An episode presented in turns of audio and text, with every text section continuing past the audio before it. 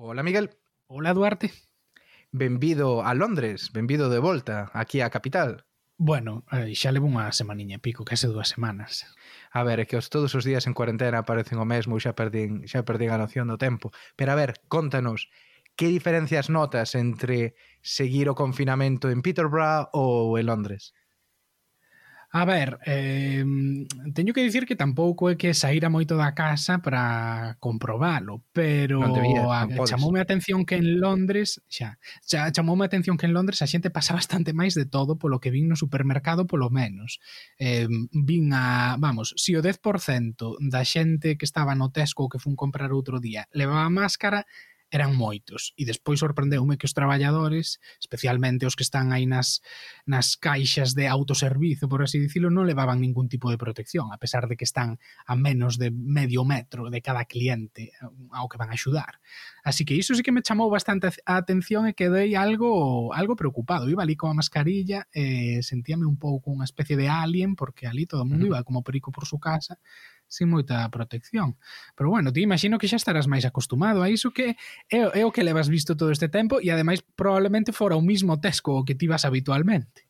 Sí, sí, sí. Eh, a mi impresión é a mesma. Aquí a xente pois pasa bastante, está bastante relaxada respecto ás normas. Dá má sensación de que só somos catro gilipollas os que seguimos as normas as normas do goberno. Outro día aquí nun parque do lado do lado da nosa casa en Tutincomon houbo unha festa, mas nos vimos a, eh, a miña parella máis eu, que era entre 50 e 100 persoas, tiñan ali montado pois altavoces, un sound system, un montón de xente, nenos, adultos, de todo, e saiu o día seguinte na prensa que estiveron ata unha da mañá foi a policía, pero como había demasiada xente non os puderon disolver porque a policía non tiña números. Entón, pois eh, ves que, que a moita xente dai exactamente igual, non? O, as normas, sí, agora eh, xa en Peterborough a última noite, bueno, semana que quedei ali, fora dar un paseo co meu irmán ali pola beira do río e había un parque ao ladiño e había xente da policía que nos dicían que non podíamos sentar na erva. E o porqué era porque a noite anterior houbera unha festa de 200, 300 persoas, entón estaban tratando de evitar que a xente pouco a pouco se fora se fora sentando e asentando no parque e aquelo acabara nunha especie de multitude, entón só deixaban só deixaban andar, pero o caso que houbera unha festa festa de 200, 300 persoas e ademais fora en día laboral. Así que, sí, xa ves como está a cousa, non son non. Esa é toda a xente, toda a xente que estaba en Forlow, no, nos especies estes de arte que non tiñan nada máis que facer, non? Claro, la bueno, paguita. La paguita. Oxe, imos falar do a auxe caída deste goberno conservador. Dentro intro. Think about Brexit. What, what's that? Like? Order! The nose to the left, 432. With the light, with the music, very welcome everybody here. A Brexit question in English, if you don't mind. Bueno, no, hombre, no vamos a hacer. Venga, adelante. ¿Quiere usted hacer el puñetero favor de largarse de aquí y de... No va usted a hacer nada ya. Would you like a cup of tea? Yeah, sure. Go on, have a cup of tea. Thank you, thank you. Cando comezou a crise do coronavirus, a popularidade do goberno era espectacular. Non había Dios que lle tusise a, a Boris Johnson, parecía Feijó en Galicia, non? Unha, unhas taxas de aprobación eh, apabullantes, eh, unha, unha porcentaxe de como se di, de favorabilidade cara a súa xestión tamén eh, moi alta, propia xestión eh, do coronavirus, non había non había quen lle tocase, incluso nos peores momentos, cando el colleu coronavirus e eh, estivo a piques de, de morrer como quen di, iso só facía que a xente lle gustase máis Boris e, e o goberno. E ainda por riba tipo un fillo na mesma semana, que bueno, eso xa é que se xuntase todo, viña dunha maioría absolutísima, parecía eh, in, intocable e impatible. Pero parece que nas últimas semanas ou no último mes, bueno, pois que este xigante tiña tiña un talón de Aquile, non? Pois sí, eh, especialmente se un mira os datos de mortes, pois poderase dar conta de que a xestión do goberno do coronavirus non foi a mellor do mundo. En concreto, de acordo cos datos, pois o Reino Unido é o segundo país detrás de Estados Unidos con máis mortos, case 41.000, hoxe a 9 de xuño, E, e non só iso, senón que houbo moitas outras polémicas sobre a falta de material ao persoal sanitario, a pesar de que pasaban as semanas, continuaban as denuncias e o goberno non era quen de prover co, co equipamento suficiente e necesario, o, o fiasco dos test para controlar o número de infectados, o goberno prometía unhas cifras que non daba cumplido, despois trataba de vender que realmente se estaban facendo 100.000 ou xa non me lembro cantos test eran, hmm. pero estaba contabilizando dentro desa cifra test que simplemente foran enviados aos buzóns das casas, pero dos que non mm. non había, por así dicilo, un regreso dos resultados a, aos laboratorios, a mm, problemas, eh, por suposto, de infeccións e mortes masivas nas residencias de anciáns, promesas dunha app para trazar os casos de infectados que aínda hoxe non se sabe cando vai estar disponible e como colofón eh, episodio máis uh, escabroso de todo de todo este caos, pois uh, o escándalo de Dominic Cummings, o asesor principal de Boris Johnson, claro. que se saltou o confinamento pois porque le salió de aí. A historia, claro, explica, bueno, explícanos mellor, un poquinho eso, porque non o cubrimos en ningunha dos podcasts anteriores, eh, bueno, que é algo mm. raro en nós, tendo en conta que nos encanta falar de Dominic Cummings, hasta lle temos dedicado un test en gotas, este podcast exclusivo non que temos para os nosos suscriptores, acordadevos, patreon.com barra te con gotas, aí vos podedes suscribir. Pero que pasou? Que fixo ah, Dominic Cummings este especie de Rasputin de Boris Johnson? Pois a ver, Dominic Cummings, basicamente, no medio do confinamento, cando o goberno estaba pedindo á poboación que tiña que quedar na casa, o que fixo foi coller o seu coche ca súa familia a finais de marzo e marchar desde a súa residencia de Londres a County Durham, que é unha localidade do norte de Inglaterra onde os seus, a súa familia, pois ten os seus pais teñen ali unha eh, residencia familiar. Pero por que fixo eso? Para um, irse de vacacións? Ou como se pode ir de vacacións así un, un asesor do goberno en plena crise? E claro, eh, eh, e, e o que di é que foi ali porque o seu fillo tiña unha cita nun hospital eh, da zona. A todo isto, eh, hai que dicir que Dominic Cummings levaba unha semana facendo confinamento na casa eh, porque tivera síntomas de coronavirus. Entón, bueno, unha mm. semana despois de ter posibles síntomas de coronavirus, de que Boris Johnson dera positivo e el estivera moi preto del, pois decide facer iso, non? Lóxicamente, el di que non que chega ali, que non tivo ningún tipo de contacto cos seus pais, pero para facer a historia aínda moito máis graciosa, unha vez ali decide coller o coche e marchar a unha localidade próxima da, da casa dos seus pais, que a súa familia tamén, coincidindo co día no que a súa muller estaba de aniversario. E claro, vos mm. preguntaredes vos, e por que fixo iso? Bueno, o que di é que era unha proba para ver se o coronavirus ou o que tivera lle estaba afectando a súa visibilidade de cara a emprender a marcha de novo a Londres. É dicir, se teño que facer un traxecto en, co en coche moi longo eh, desde o norte de Inglaterra a Londres, vou facer antes bueno, unha pequeniña volta co coche para ver se si, si vexo ben, se si teño algún tipo de problema. Claro, Como vos podedes imaginar, a maior parte da poboación non cree nesta versión. De feito, só un 8% da, segundo as enquisas, cree na versión de, de Dominic Cummings. A falta en sí non é moi grave, de feito isto creo que a multa por infringir o confinamento andaba en alrededor de 30 libras, pero claro, trátase do principal asesor de Boris Johnson que se salta as normas nun momento no que o goberno pois estaba dicindo a todo o mundo que non podía ir a despedirse dos seus familiares que estaban morrendo, que os avós non podían ir a mm. visitar ao seu neto recén nacido e claro, a xente estaba facendo un grande esforzo e el non cumpliu. É unha cuestión simbólica, non? Porque non é a primeira persoa importante que ten que dimitir de algún cargo por terse saltado o confinamento. Recordemos que hai unhas hai unhas semanas eh, Neil Ferguson, que é un asesor importante do goberno, que viña do, do Imperial College. En algún momento, algún podcast anterior, precisamente, falamos de estudos asinados por esta por esta persoa, que ni siquiera era un cargo político, era un asesor científico que estaba asesorando ao goberno nun comité. E pillárono, pois que, bueno, eh, na, eh, recibía, digamos, a súa amante na, na, na súa casa e tivo que dimitir deste comité asesor no que estaba traballando, non era un membro do goberno.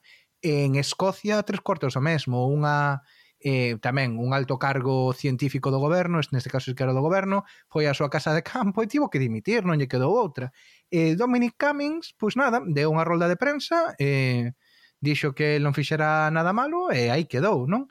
E case está rompendo unha das normas non escritas na política que é que un asesor non ten que ser o centro o centro de atención, un asesor non ten que ser a historia. E a sensación que a min me deu foi que Boris Johnson tiña unha enorme debilidade por depender tantísimo dun, do persoal de confianza, que non é o que agardas eh, non é o que agardas dun político, non? Sí, é, é certo que no Reino Unido aí hai unha extraña tradición de asesores do primeiro ministro directos implicados en algún tipo de escándalo porque Gordon mm. Brown, o seu asesor de comunicación, tamén tivera que dimitir porque se fixeran públicos uns correos nos que basicamente estaba tramando un complot para um, mm. eh, comenzar unha campaña ensuciando a algún axente do Partido Conservador con historias da súa vida sexual privada, o que fora o director de comunicacións de David Cameron tamén tamén tivera que dimitir porque fora condenado por todo aquel escándalo de, de hackear os teléfonos móviles de... Xa, pero estamos eh, falando de, de xente que dimitiu. De Murdoch. Sí, eso é certo, pero refírome que estamos eh, Reino Unido, por así dicilo, un país onde a xente está acostumada a ver a asesores directos do primeiro ministro implicados en escándalos de algún tipo. É certo que Dominic Cummings neste caso, pois eh, sí, non dimitiu. Bueno, eh, pero iso tivo un coste. Non podes eh, tomar por parvo ao, a opinión pública sen que iso vai afectar a túa, a túa popularidade. E o que vimos en todas as enquisas é unha caída enorme dos rankings persoais de Boris Johnson. Como decíamos antes, Boris era un tío superpopular, non? Que a maior parte da xente pois apoiaba a súa xestión, apoiaba como como primeiro ministro e incluso durante esta crise do coronavirus, cando estivo enfermo e cando tivo o fillo, eh, a súa a súa popularidade tivo tivo un pico e agora por primeira vez eh, pois prácticamente desde que é primeiro ministro hai máis xente cunha opinión desfavorable del que unha opinión favorable.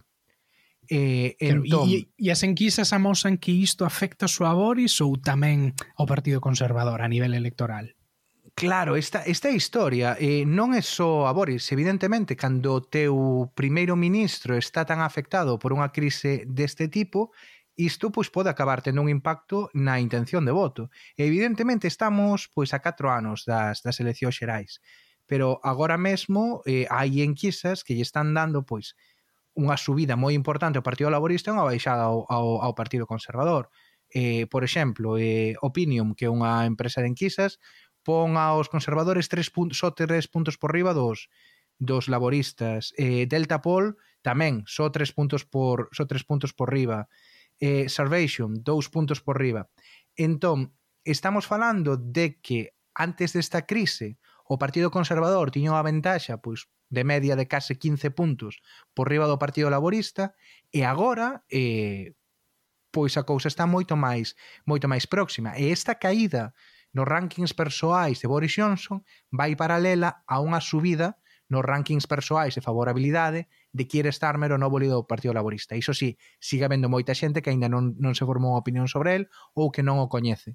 Pero parece sí. que aínda estando a 4 anos das, das eleccións, que con, con toda esta xestión dos últimos meses, como que lle regalaron seis, de 6 a 12 meses de capital político ao Partido Laborista, que estábamos nun momento o goberno o Partido Conservador estaba nun momento no que en situacións normais aínda podería ter moito capital político para queimar pois durante un ano, un ano e medio, e que o dilapidou en moi en un período de tempo moi moi cortiño, que non é non é o máis non claro. o máis habitual.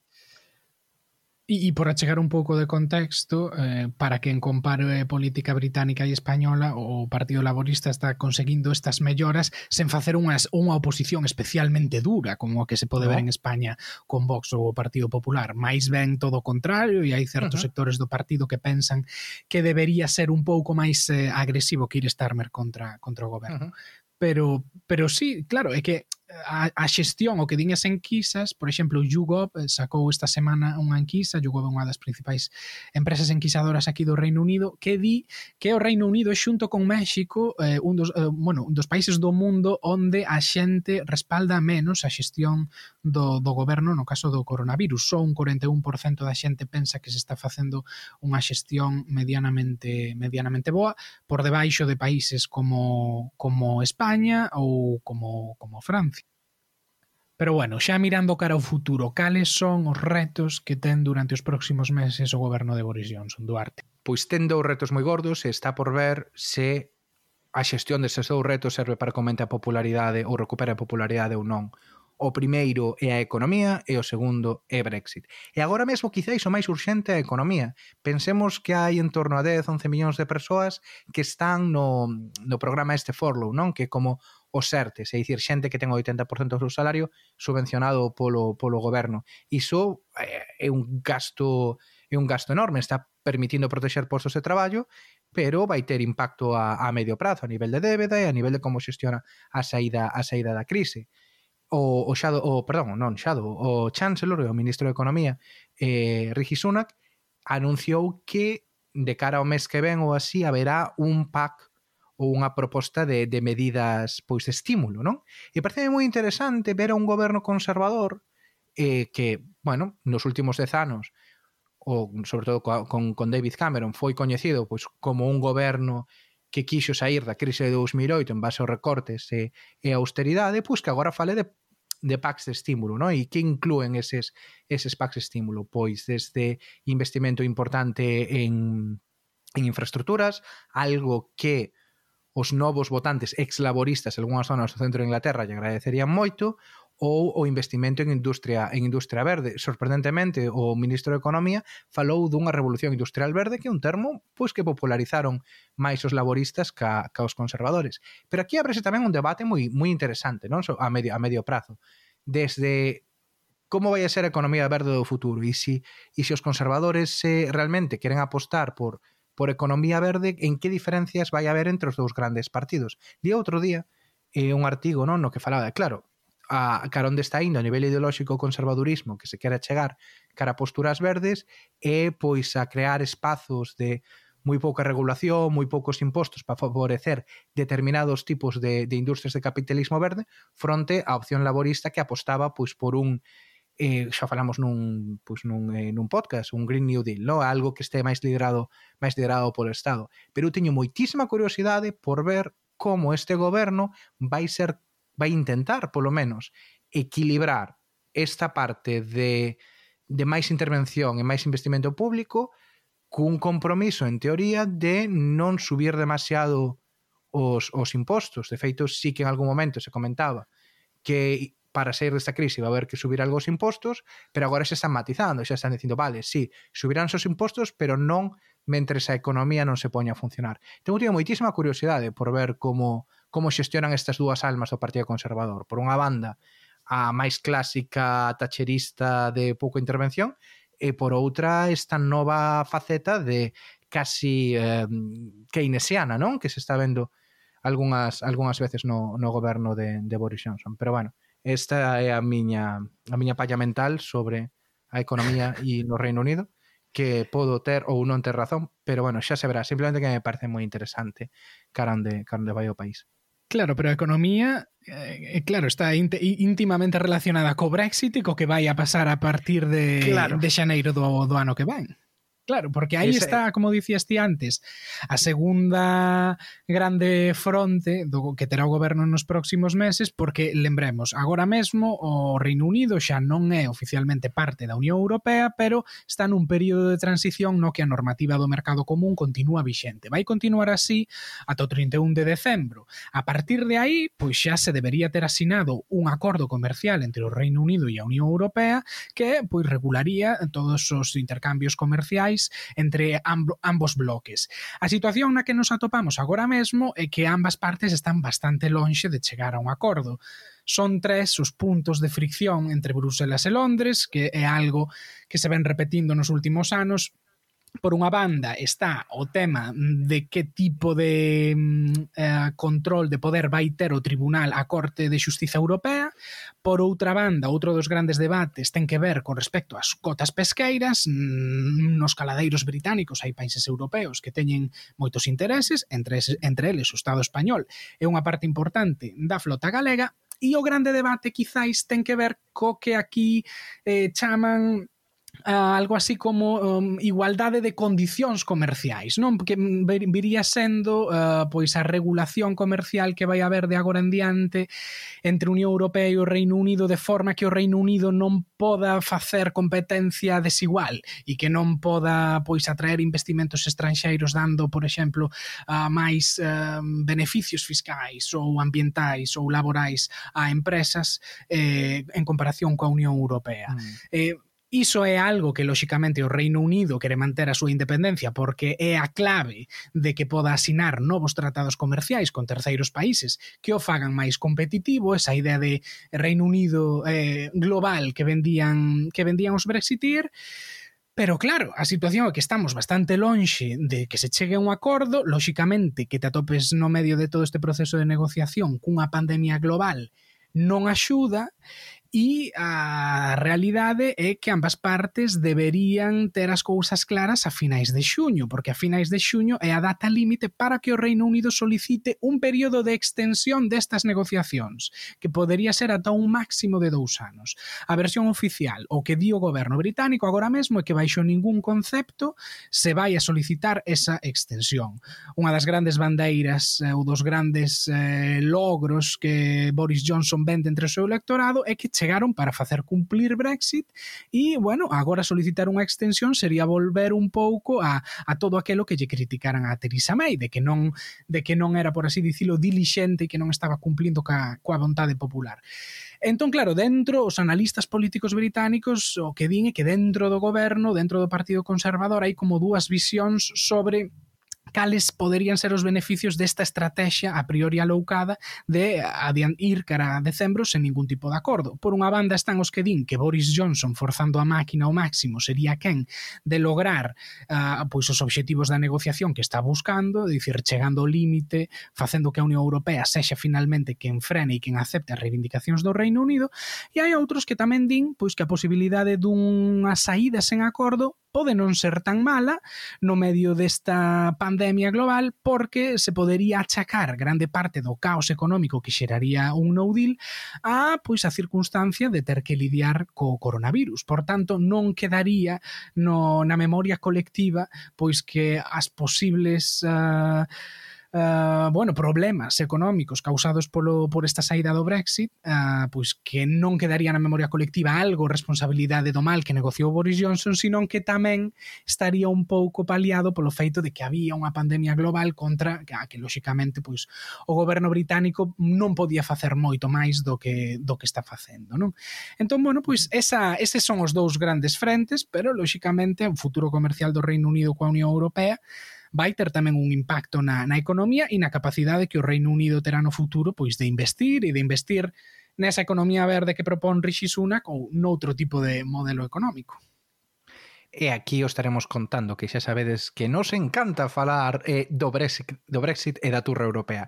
Pero polo de agora deixámolo aquí. Este, este a fin do, do programa do programa desta semana.